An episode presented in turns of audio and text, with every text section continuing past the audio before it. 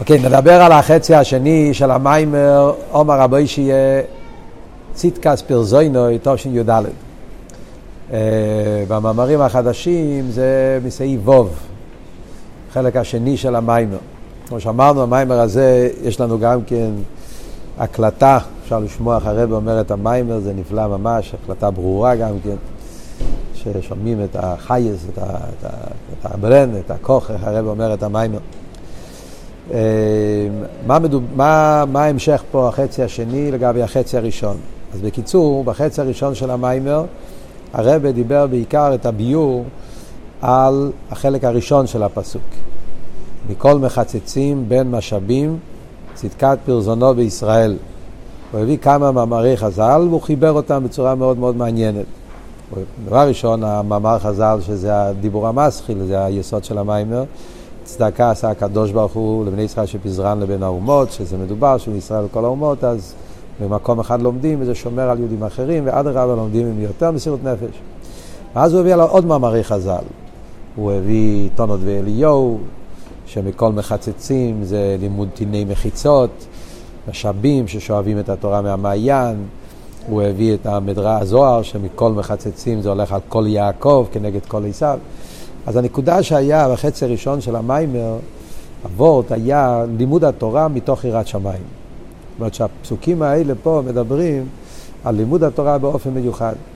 שמה שנותן ליהודים את הכוח להילחם, לעמוד נגד עשיו, להילחם נגד עשיו ולנצח אותו, בפרט כשמדובר על עשיו כזה שהוא רוצה להזדווג, שהביא את המדרש מאבנימוס הגרדי, שיש סוג של קליפה, גלות, שזה לא בדרך מלחמה, זה בדרך אהבה, חיבוק, כאילו מחבקים אותנו, חיבוק הדוב מה שנקרא, כן? ושם צריכים להיות הרבה יותר זהירים וחזקים שיכולים ליפול בידיים ולחשוב, טוב, בוא נהיה חברים.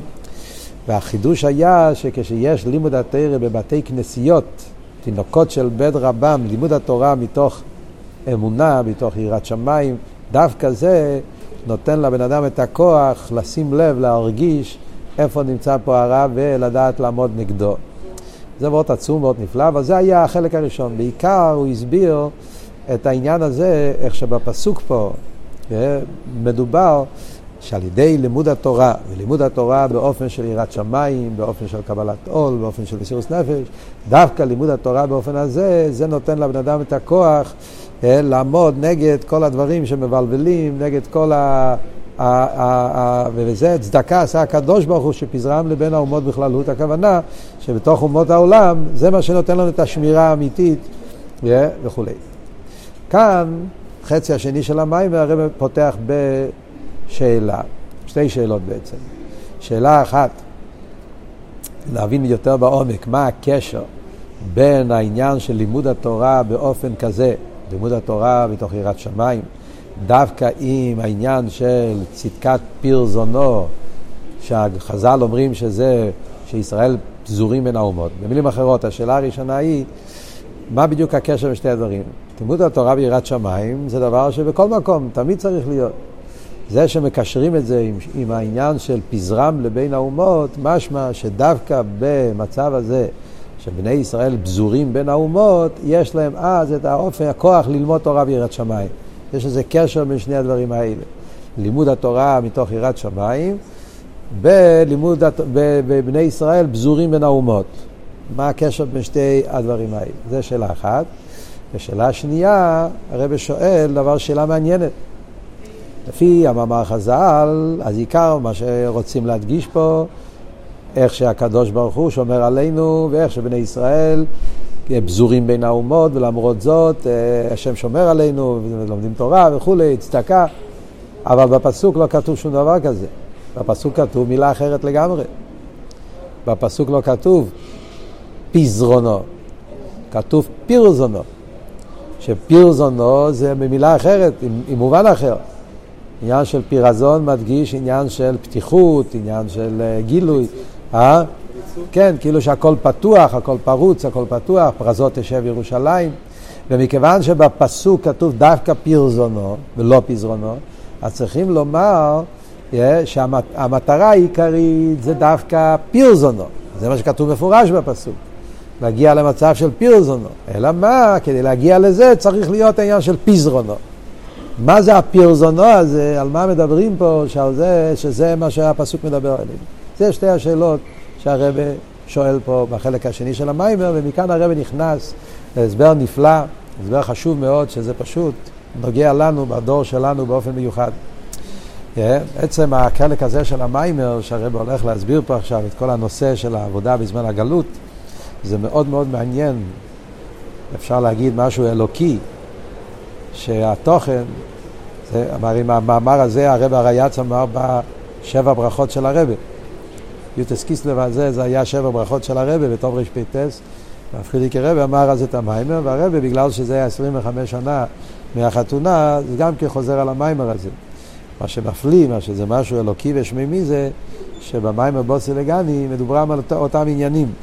זה המיימר האחרון שהפרידיקי רבי הוציא לכבוד י' שבט, שזה הפך להיות המיימר הראשון, המיימר היסודי לדור שלנו, המאמר בוסי לגני, מדוברים, מדבר ממש על אותם עניינים. זה, זה משהו רק, משהו לגמרי שמימי של, של רבה, גם ביום החתונה של הרבה וגם ביום הנשיאוס, יום ההסתלקוס פרידיקי רבה, המימורים הם באותם עניינים, הנקודה של מידת הנצח, הנקודה של, של בזבוז האוצרות, יש פה משהו, משהו אלוקי. בפרט שיש כאלה שאומרים שגם כן, מהמאמרים הראשונים שהרבא שמע מהפרידיקי רבה, כשהם נפגשו בתור רפ"ג היה אותו מיימר, בוסי לגני, שאחרי זה זה היה המיימר האחרון שנתפס. גם כמשהו אלוקי לגמרי. טוב. תכלס, בואו ניכנס למים. אז מה עבוד? אז הרב אומר כזה דבר. כדי להבין את זה צריך להקדים קודם כל אה, מאמר חז"ל על הפסוק לכו הוויה הגדולו והגבורו והתפארת והנצר וההויד ככל בשמיים ובורס לכו השם הממלוכו והמסנסו לכל הראש. הפסוק הזה מדובר על גדולת השם, כידוע, שכתוב בזוהר, כתבי אריזל, שכאן מדברים על כל הספירות. גדולו זה חסד, גבורו זה, כל המידות נמצאים פה בפסוק הזה. עד לכו השם הממלוכו, שזה מלכוס, שזה בהמשך בפסוק הבא. אז פה בפסוק הזה מדבר על המידות של הקדוש ברוך הוא, הספירות העליונות של הקדוש ברוך הוא. ומה שהפוסק אומר, לכו השם הגדולו, לפי החסידות מהפשט, שכל הספירות, למרות שהן ספירות עליונות, ושבהן הקדוש ברוך הוא משפיע ופועל, אף על פי כן, לך, טפל ובטל אליך. הספירות העליונות הן בטלים כלפי האינסוף, כלפי העצמות של הקדוש ברוך הוא. מה כתוב אבל בגמרא? יש פה מאמר חז"ל מאוד מעניין, שהגמרא אומרת במסכת ברכות, שכל אחד מהמילים האלה מבטא משהו מיוחד של הקדוש ברוך הוא. והגמרא אומרת, גדולה זה מעשה בראשית. זה מובא גם בתניא, בשער היחוד במונה. גדולה זה מעשה בראשית. גבורה זה יציאת מצרים. תפארת זה מתן תורה. נצח זה ירושלים. הוד זה בניין בית המקדש. זה הגמרא אומרת. אז עכשיו, מה ההסבר? אז uh, הרב מתחיל להסביר. גדולה, מעשי בראשית, כי הרי במעשי בראשית מתבטא הגדולה של הקדוש ברוך הוא, גדול השם ממולל מאוד בעיר אלוקינו. וזה גופה יש שתי פסוקים, יש מה גדלו מעשיך ויש מה רבו מעשיך. אני מסביר, במאמר של פרידיקי רבי מסביר את זה באריכות יותר, שיש ריבוי הנבראים ויש גדולי הנבראים. זה שתי, שתי התבוננויות, שתי שבחים. יש את העניין של ריבוי הנבראים, שרואים את הריבוי הנפלא של דומם, של צומח, של חי, של מדבר, שיש ריבוי סוגים, סוגים שונים, יש, כן, בזה מתבטא הכוח האלוקי בעניין הריבוי, ויש גדולת הנבראים, גדולת זה העומק, הנפלא, נבראים גדולים, בפרט צבא שמיים, גדולים לא רק בכמות, אלא גדולים הכוונה גם באיכות, בהפלאה שלהם. וכל זה, זה מעשה בראשית. אז מה הפשט לך שם הגדולה, אם נמשיך עם ההסבר הקודם? שכל מעשה בראשית, עם כל הגדלות והריבוי שבזה, זה הכל טפל ובטל כלפי העצמיות של הקדוש ברוך הוא. זה הכל לך, טפל ובטל אליך. שכל גדלות מעשה בראשית, זה בשבילנו, זה גדלות, שקדוש ברוך הוא זה להפך, זה במקום גדולתו, שם אתה מוצא ענוותנות הזאת, זה צמצום וירידה בשבילו. אותו דבר גם כן הגבורה, יציאת מצרים, יציאת מצרים עם המכות, כל מה שהקדוש ברוך הוא עשה ביציאת מצרים, אז הוא הראה את היד הגבורה שלו, יד החזקה מה שנקרא, יד שמאל שזה הגבורה, ומכות וקריאת ים סוף וכל מה שהקדוש ברוך הוא עשה, אז גם בזה אנחנו אומרים, שהגבורה הזאת זה בעצם לך השם, זה באין ארוך לגבורה האמיתית של הקדוש ברוך הוא. אותו דבר גם כן תפארת. הרב מסביר למה מתן תורה זה תפארת. מה העניין של תפארת? תפארת זה יופי. מה זה יופי? יופי בא מצבעים שמתחברים, התקללות, כתוב בתניא. שיש לך צבע אחד זה לא יפה. כמה צבעים שמתחברים ביחד זה עושה את היופי. פסיפס, מה שאומרים, היופי של החיבור של צבעים שונים. אותו דבר גם פה. מה אנחנו אומרים? העולם מורכב מריבוי דברים, מריבוי דברים שונים ונבדלים, והתורה עושה את ההתקללות. התורה עושה את החיבור, זה כל המטרה של התורה. היא מחברת בין הגשמיות והרוחניות, מחברת בין העליונים והתחתונים, מחברת בין החסד והגבורה. תורה זה תורת שלום, תורת. זה התפארת שהתורה מחברת בין עליון ותחתון, גשמי ורוחני. ולכן תורה נקרא תפארת. במתן תורה יתגלה התפארת של הקדוש ברוך הוא. וגם על זה אומרים לך השם. למה אומרים על זה לך השם? כמו שהרבא מביא פה את המאמר חז"ל, שכל התורה זה נקרא נובלות. נובלות חוכמה שלמעלה, נובל, כאילו שזה חוכמה מצומצמת כלפי החוכמה האינסופית של הקדוש ברוך הוא. ואותו דבר גם כן נצח ועוד. מה זה נצח ועוד? אמרנו, נצח זה ירושלים, עוד זה בית המקדש, ששם מתגלה הנצח של הקדוש ברוך הוא וההוד של הקדוש ברוך הוא. וכאן נשאלת השאלה של המיימר. אנחנו יודעים שנצח ועוד זה ענפים. מדברים בעמידות, מידת הנצח, מידת העוד, זה ענפי המידות, זה לא המידות העיקריות. נצח זה ענף של חסד, מידת הנצח זה כשנגמר האהבה, חסד זה חסד עם אהבה. חסד שאדם עושה חסד בגלל שהוא אוהב ומרגיש, נתינה מתוך מקום עמוק, מתוך מקום רגיש, אה, מרגיש, ממקום, ממקום מלא. נצח זה שאני לא מרגיש, זה רק בדרך ניצחון. כן, ממשיך הלאה, נצח מלשון נצחיות, מלשון ניצחון, למרות שהרגש לא נמצא ולמרות ש... אז אני מנצח את עצמי, להמשיך הלאה, ללכת נגד כל העלומות והסתרים, ולכן זה ענף של חסד. ועל דרך זה גם על הוד זה ענף של גבורה. הוד זה התבטלות, הוד זה הודאה. זאת אומרת שלמרות שאין פה גבורה באופן גלוי, אבל הוא ממשיך, הוא מודה, מקבל את האמת למרות שהוא לא, אין לו את הרגש. אז אם אלה, איך, איך אפשר להגיד אם ככה, שדווקא ירושלים ובית המקדש, שזה תכלית כל הבריאה, אז על בריאת העולם, אתה אומר, זה חסד. יציאת מצרים זה גבורה. ובית המקדש בירושלים, שזה תכלית כל הבריאת העולם, וזה כל המטרה, בפרט בית מקדש השלישי בירושלים, שכולנו מחכים אליה, שאז יהיה ונגלה כבוד השם וראו כל בשר ירדיו כי פי השם דיבר, וזה נקרא רק נצר ועוד. ענף. מה זה הדבר הזה? וכאן מגיע הפצצה של חסידס, כאן מגיע הוורד של הרבה, שזה בעצם כל היסוד של נצר ועוד, שמצד אחד נכון, נצר ועוד זה מסמל את החלק התחתון של האדם, הענף, אבל דווקא שם נמצא העומק הכי עמוק של הנפש, העצם הנפש, שלמעלה מכל הספירות, מתגלה דווקא בהנצר והעוד. זה בעצם היסוד של כל העבודה של מסירות נפש, של זמן הגלות. וזה מה שהרבא מתחיל להסביר פה. Yeah, שמידת הנצח אנחנו רואים אצל האדם. Yeah, משם אנחנו נבין מבשרי איך זה לא קם. אז כמו שאמרנו, הנצח והעוד הם ענפים. ידוע מה שמובא תמיד בחסידות בשם ספרי הקבלה, שערבה, שתי הערבות, אומרים בלולב, אה, אז ההדסים זה חסד גבורה תפארת, והערבות זה נצח ועוד. אין בהם טעם, אין בהם ריח. אחרי זה היסוד זה הלולב, מלכות זה האתרוג, זה, זה המינים של ארבע מינים, איך שהם בספירות. אז הערבות, אין לזה טעם וריח. אותו דבר כמו נצח ועוד, גם אין טעם וריח, כאילו, כי זה, אין בו רגש, אין פה הבנה. אם אנחנו מדברים בכוחות הנפש, אז כוחות הנפש מחולקים לשלושה קבוצות. יש השכל, שם מאיר כל העומק וכל הפנימיות וכל ההרחבה, זה מעלת האדם. כן? חוכמה בינה דעת. יש את עולם המידות, עולם הרגש, חסד, גבורה, תפארת, כן? זה גם כן משהו מאוד פנימי, מאוד, אה, כן, שהוא מרגיש, הוא אוהב, הוא, חסד, זה מידות, מידות פנימיות, ואז יש את הדרגה השלישית, שזה נצח עוד יסוד. נצח עוד יסוד נחשבים לבר מגופה, חוץ לגוף, כאילו, רגליים, ירחיים, הרי הסיפור של הפרשה זה הסיפור של יעקב עם המלאך, שהוא רצה לתת לו מכות, לא הלך לו, איפה נתן לו? בירחיים, בנצר והעוד, זה הגיד הנושה, וזה כל הסיפור, כן? היאבק איש עמו, הוא חשב שבמידות הוא יוכל, זה העניין של ויאבק בידיים, הוא רצה לתפוס אותו במידות.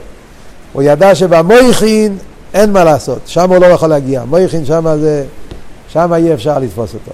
אבל הוא חשב שבמידס הוא יוכל להכניס את הקליפה שלו. לא יכול, אה? מויכין לא יעקב אבינו או בכלל? לא, כי מויכין אין יניקס החיצונים.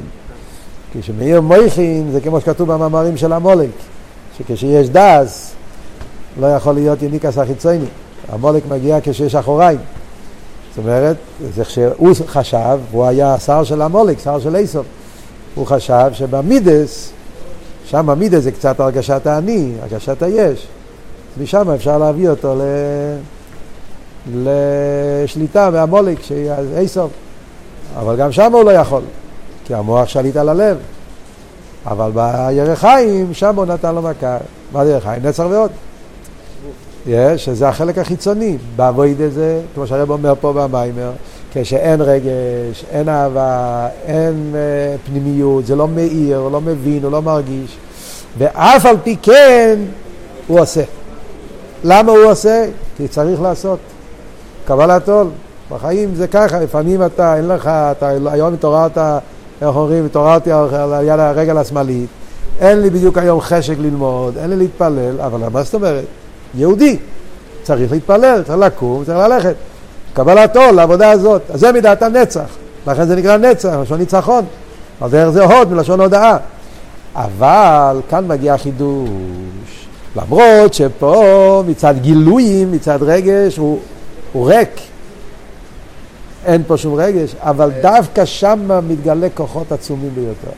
שרואים אצל בני אדם, אצל יהודי, שבמקומות האלה, שאין גילוי, אין רגש, דווקא אז מתעורר משהו עצמי, משהו, זה שהוא ממשיך הלאה למרות שאין גילוי, ולפעמים לא רק שאין גילוי, יש אלם ואסתר, יש ניסיונות, יש בלבולים, יש קשיים, יש דברים שדווקא מתעורר אצל יהודי, זה כוח הרבה יותר עמוק, הוא אומר דווקא, אני יהודי, קשור לקדוש ברוך הוא, אי אפשר, האי אפשר הזה הרי מגיע מהיחידה, זה מגיע מהעצם, זה מגיע מהמקום הכי עמוק, שיהודי לא יכול להיות נפרד, הוא במילא לא שייך, אני אמשיך הלאה גם אם כשאין רגש.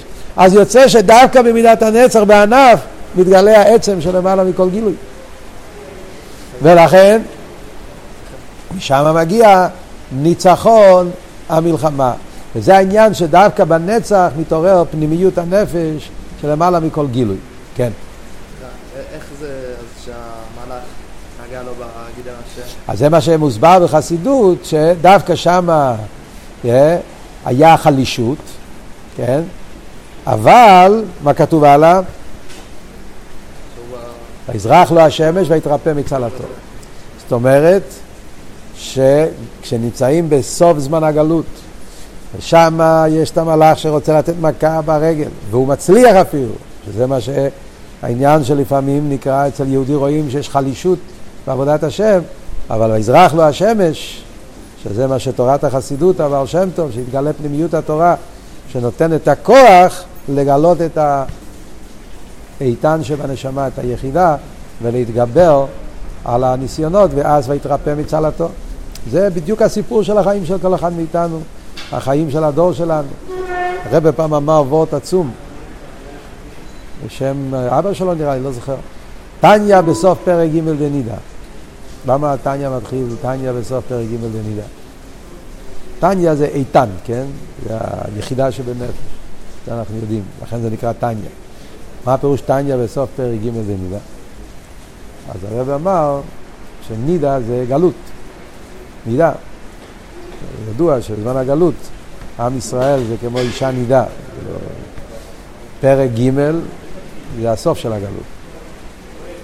השלישי, הגלות השלישית, הגלות שלנו נקרא גלות שלישית לפעמים, אם מסתכלים מצרים, בבל, הגלות השלישית, וגם הגיד הנשה זה המקום השלישי, יש ראש, יש לב, יש רגל. הרגל זה השלישי. טניה בסוף פרק ג' בנידה, אלתר רב רצה לרמז שדווקא בסוף פרק ג' בנידה, בסוף הגלות, כששם זה הניסיונות הכי גדולים, שם התגלה הטניה, האיתן שבנשמה, שנותן את הכוח של יהודי להתגבר על כל הניסיונות. וזה מה שהרבא מביא פה את הדוגמה מהמים. שהמים, מתי המים פורצים? כשיש אבנים שלא נותנים לה להמשיך. מים הולכים בשקט, אבל ברגע שיש איזושהי סתימה, אז מתאספים הרבה מים, ואז המים פורצים את הסתימה, וכשהם פורצים את הסתימה הם הולכים בזרם הרבה יותר ממה שהלכו בלי הפריצה הזאת. אותו דבר אצל יהודי. הניסיונות מעוררים אצלו מידת הנצח, דווקא שאין גילוי, אין זה, ויש דווקא, זה מעורר אצלו פריצה של עצם הנפש, שעם זה הוא מתגבר על כל הניסיונות. בפרט אצל מלך, כמו שמביא פה את המשל הידוע שחסידות מביא מהמלך, שאצל מלך מנצח את המלחמה. יש מלחמות שאתה נלחם בשביל להרוויח משהו, זה מוסבר גם בבוסילגני באריכות. אם אתה נלחם בשביל לקבל שטח, אז אתה עושה חשבון, כמה להשקיע. אם אני נלחם כדי לקחת שלל, אני אעשה חשבון כמה כדאי. אם זה לא כדאי, לא. אבל יש לפעמים מלחמה בשביל הניצחון. לא מעניין אותי כלום. עכשיו זה אמור להיות מלחמה כזאת, אני מקווה ש... שלא יתבלבלו. אבל המלחמה זה ניצחון הקדושה נגד הרוע. כשמדובר על הניצחון, מתבטלים כל החשבונות. אז, וזה אותו דבר גם בעבודת האדם.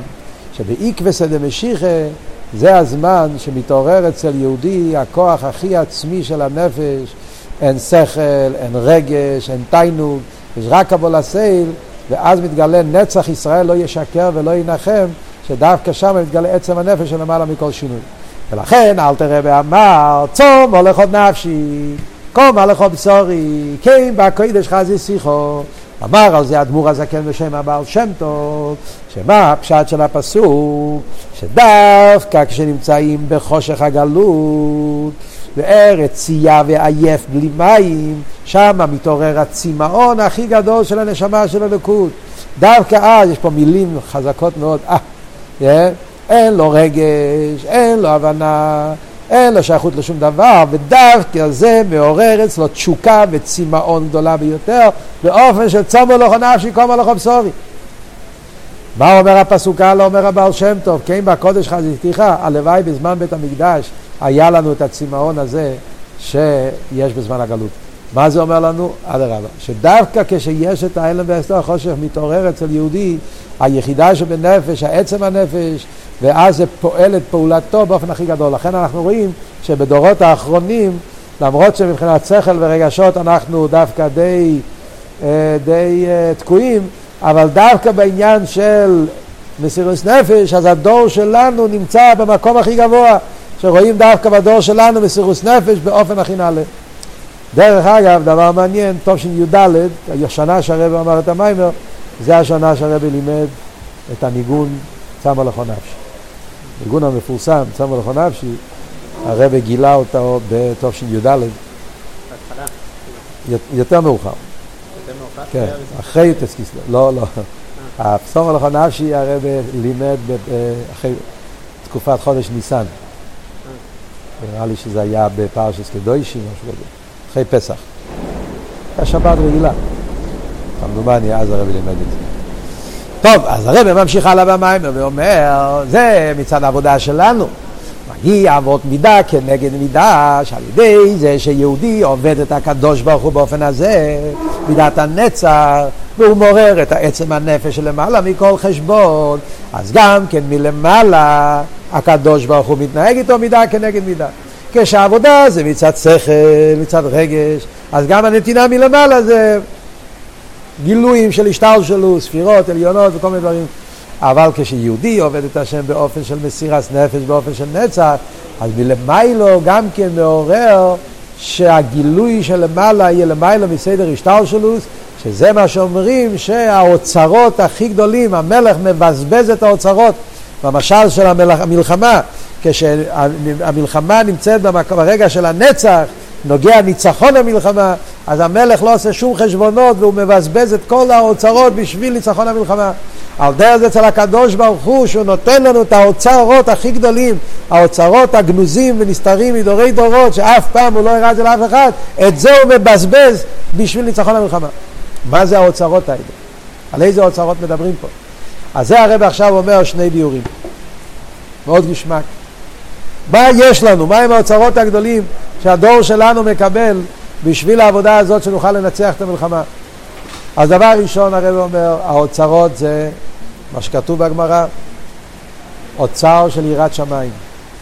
כאן אנחנו חוזרים להתחלת המאמר. העניין של יראת שמיים. אוצר של יראת שמיים. ישנם שתי מאמרי חז"ל. מאמר חז"ל אחד זה הגמרא בברכות, דף ל"ג, שהגמרא אומרת אין לו לקדוש ברוך הוא בבית גנזיו אלא אוצר של יראת שמיים.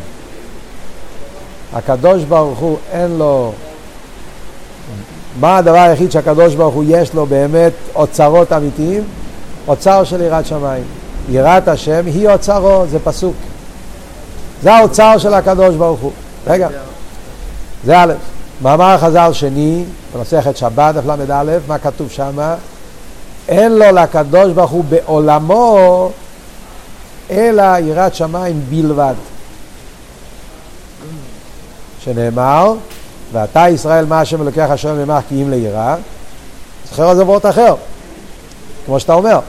המאמר חז"ל הראשון מדבר מה יש לקדוש ברוך הוא, מהו האוצר שלו. והמערך הזה מדבר מה מעניין אל הקדוש ברוך הוא. שום דבר לא מעניין אותו. הדבר היחיד שמעניין אותו זה יראת שמיים. ואתה ישראל, מה השם אלוקיך שואל מעמך, כי אם ליראה. פסוק אחר הוא מביא, ויאמר לאדם, אין יראת השם, אי חוכמה. כן? כאילו שהקדוש ברוך אומר לאדם, אני רוצה יראת השם. זה החוכמה, זה, זה התכלית. זה שתי הפסוקים שהגמרא מביאה. כן? והגמרא אומר, מאיפה יודעים שזה הדבר היחיד? כי הן, הגמרא אומרת שהן זה אחת.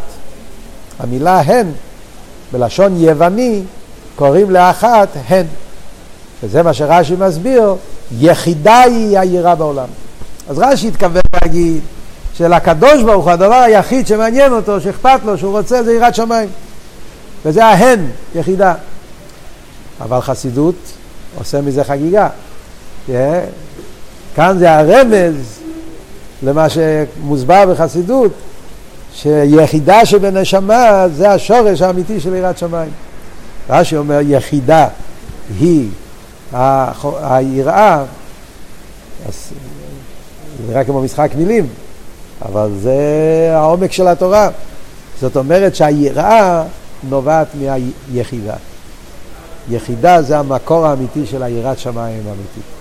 כי כאן לא מדברים על יראת שמיים חיצונית. עוד מעט נראה שגם. אבל אבות הוא, היראת שמיים האמיתית, השורש של יראת שמיים, נובע מהיחידה של הנשמה. יחידה של הנשמה זה הקשר העצמי של יהודי עם הקדוש ברוך הוא. שיהודי לא רוצה ולא יכול להיות נפרד מאלוקות. ומשם נובע היראת שמיים של יהודי. יהודי לא רוצה ולא יכול להיות נפרד מאלוקות, ולכן יש לו יראת שמיים, זה, זה היראת שמיים האמיתית, היראת שמיים של מסירות נפש, שמשם נובע הביטול של יהודי לקדוש ברוך הוא. מעניין שהרבא מסביר, כן, נראה לי שזה מקודמים, זה זמר שור, מישהו אומר, גדולי ישראל, שהמילה, מה הרמז שהן זה אחת, יווני, קוראים להן אחת, טוב יפה, אבל יש פה איזה רמז גם כן. סתם מעניין שבשפה yeah, העולמית אומרים, באנגלית אומרים one, בספרדית אומרים אונו, הן זה, זה דומה, פשטוס זה ה, הלטינית, אחרי יוונית, לטינית, משם זה התחיל ומשם זה השתלשל ונהיה one, אונו, איך אומרים אצלכם? אה, גם כן. הקופונים. אז, אה, אבל הרב אמר מאוד כזה שהן זה אחת, למה? כי הן אותיות שאין להן זוג. מה זאת אומרת שאותיות אין להן זוג? יש באדבש, אדבח, שמעתם? יש סוג של א' ב' שמחברים עוד ראשונה עם עוד אחרונה. אז יש אדבש, א' עם הת', ב' עם השין, אבל יש גם כן חיבור של האותיות היחידיות, העשיריות והמאות. האלף מתחבר עם ט', הב' מתחבר עם ח', הג' מתחבר עם ז', הד' מתחבר עם ו', הה' עם אף אחד, אין לו זוג. באותיות העשיריות קורה אותו דבר. היוד מתחבר עם צדיק, כ' עם פ', ל' עם עין, מ' עם סמך, והנון אין לו חבר. אז הה' והנון, הן. הן היא יחידה. הבנת? אבל מה זה העניין הזה של החיבורים? אה? זה קשור עם הגימטריות, וכן, עולם הגימטריות, יש את החיבורים. אז זה מה שאומר פה, שהן היא יחידה, יחידה, יכול מה רוצה להגיד? בנגיע לענייננו, שמה אנחנו רואים? שהאוצר הגדול שיש לקדוש ברוך הוא זה יראת שמיים. אז אתה שואל, לכאורה יראת שמיים זה עבודה שלנו. מה זאת אומרת שזה האוצר שלו? אדרבה, איך כתוב? הכל בידי שמיים, חוץ מיראת שמיים. אז יראת שמיים זה מגיע מאיתנו. אז יש הצמח צדק מביא וורט, האוצר של המלך, מאיפה יש לו את זה? אנשי המדינה. המלך, מאיפה הוא אוסף את כל האוצר? זה מתנות שהוא מקבל מאנשי המדינה, זה, זה, זה האוצר שלו. אז זה בדיוק הפירוש, אין לו לקדוש ברוך הוא אלא האוצר של יראת שמיים. הוא עושה, זה האוצר שלו, כי זה אין לו מעצמו, הוא צריך לקבל את זה מאיתנו. אבל פה, כן, זה הצורך צדק. אבל פה מה שהרב אומר, הפוך. כי זה שיהודי יש לו את כוח העבודה של יראת שמיים, נכון, זו עבודה שלנו, זה נובע מאיפה? מהיחידה. והיחידה זה הקשר העצמי שיש לנו עם הקדוש ברוך הוא. והקשר העצמי זה מה שהקדוש ברוך הוא קשור אלינו, ולכן אנחנו קשורים אליו. יחידה ליחדך. אז בעצם זה האוצר שלו שנתן לנו. ומשם יש לנו את היראה. ועל פי זה הרב מסביר פה משהו נפלא גם כן, שהגמרא מביאה שתי פסוקים. בפסוק הראשון, ואתה ישראל מה השם לקח השם כי אם ליראה. בפסוק השני, אין יראת השם מחוכמה. למה מביא שתי פסוקים? אז מוסבר בחסידות שפסוק אחד זה יראת התאה, פסוק שני זה יראה הילאה. כן? זה שתי הפסוקים. כי אם ליראה זה יראת התאה, מוסבר בתניא. כן? כן, יראת השם היא חוכמה, חוכמה זה יראה הילאה. הוא כולל את, שתי, את שתיהם. מה הוא רוצה להגיד? זה החידוש פה. שאפילו היראה התחתונה, היראה הפשוטה, היראה הבסיסית, יראת שמיים של פרק מ"א של טניה, יראת התאה, גם זה קשור עם היחידה. זה שיהודי יש לו יראה גם בדרגה הכי נמוכה של יראה, בעצם זה נובע מזה שיהודי רוצה להיות קשור לקדוש ברוך הוא, וזה היחידה שבנפש, ומשם נובע. ולכן, זה גם כן מתרץ שהגמרא אומרת יראת שמיים בלבד, והרב שואל, מה זאת אומרת בלבד? בלבד משמע כאילו שזה משהו קטן כזה, בלבד. מדברים על האוצר של יראה הילאה, יראה הכי גבוהה, הוא קורא לזה בלבד. אבל זה אבות, להפך. רוצה לרמז שגם היראה הפשוטה, לא דרגות גבוהות ביראה הילאה, יראת בושת, שזה דרגות של צדיקים גדולים. גם ביראה הכי פשוטה והבסיסית של יהודי, זה נובע מאותו מקום. זה נובע מהמקום של יחידה.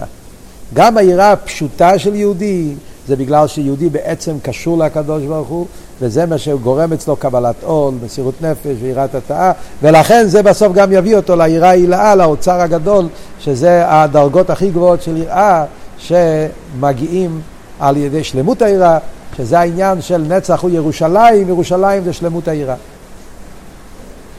זה וורט אחד באוצר. מה הוורט השני באוצר? אומר הרב, זה האוצרות של פנימיות התורה שהתגלו דווקא בדורות האחרונים. כאן מגיע אבות של יוטס קיסלב. זה הרי מה של יוטס קיסלב? זה הנושא של תורת החסידות, פנימיות התורה. האוצרות, הכוונה, סודות התורה. היה סודות התורה הכי, הכי עלומים, הכי עצומים, הכי נעלמים, שלא התגלו דורות. ניגלדת רק התגלה לפני אלפי שנים. קבולה התגלה אחרי זה. ודווקא התורה, תורת החסידות, פנימיות התורה, היה באסתר, עד כדי כך שהיה אסור ללמוד פנימיות התורה. הגיע אריזל ואמר מצווה לגלות זאת החוכמה, ובזמן הבעל שם טוב, אדמו"ר הזקן, התחילו להפיץ. מה זאת אומרת להפיץ? אז הרב אומר, מה החידוש בלהפיץ? שהעניינים הכי סתומים והכי נעלים והכי גבוהים מוסברים בהסבר כל כך מובן שגם הנפש השכלית ועוד יותר אפילו נפש בהמית יכול להבין את זה גם כן. וזה היפוצו מעיינותיך החוצה שהתגלה ביוטס קיסלר.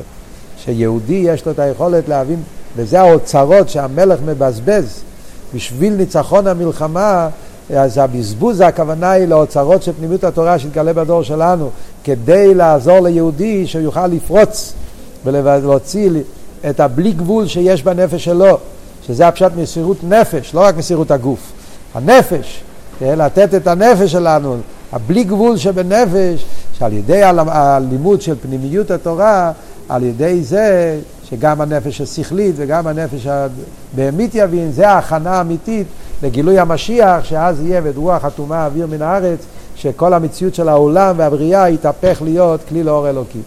על פי כל זה מתורצים שתי השאלות שהרבא שאל בהתחלה. מה היה שתי השאלות?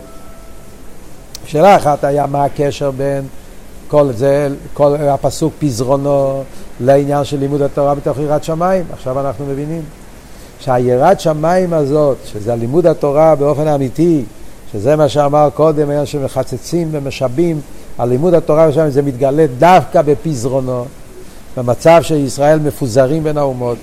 וכאן הרב אומר וורט נפלא. למה הקדוש ברוך הוא מפזר את בני ישראל בין האומות? למה? אז אומרים כדי שצריכים לברר את הניצוצות שנמצאים בכל העולם, אז יהודי הולך בכל העולם כדי לברר את הניצוצות. תראו הניצוצות של תוהו, שואל הרבה, בגלל שהניצוצות בגלות אנחנו צריכים לסבול? שיהודי, נשמה תצטרך להיות מפוזרת רק בגלל הניצוצות, חייב להיות שזה יהיה גם משהו בשביל היהודי עצמו. וזה כל אבות, כי דווקא זה מעורר את היחידה של הנפש. כשנמצאים בפזרונו בין האומות, אז מתגלה כוח המסירות נפש, אז בסוף זה מגלה את העצמיות של יהודי. אז בעצם התועלת היא בשביל היהודי עצמו שיתגלה הפנימיות שלו. וזה גופי הסיבה למה בפסוק כתוב פירזונו ולא פיזרונו. פיזרונו זה רק הסיבה. המטרה זה הפריצה, הבלי גבול, הפרזות, האוצרות הבלתי מוגבלים שמתגלים על ידי הפזרונו. זה הכוונה האמיתית, ולכן בפסוק לא כתוב פזרונו, כתוב פירזונו, כי תכלית הכוונה שיהיה פרזות תשב ירושלים, שיהיה ההתגלות של האין סוף והבלי גבול למעלה מזאת הגבלות, לא רק בנוגע להשפעות הרוחניות, גילוי התורה בלי הגבלות שדיברנו קודם, אלא גם בגשמיוס, יפתח השם לך את אוצרו הטוב, על ידי הקדמת פתיחת האוצר של יראת שמיים, וזה ימשיך רף טוב לישראל בבון חיים זיינה רוויכם.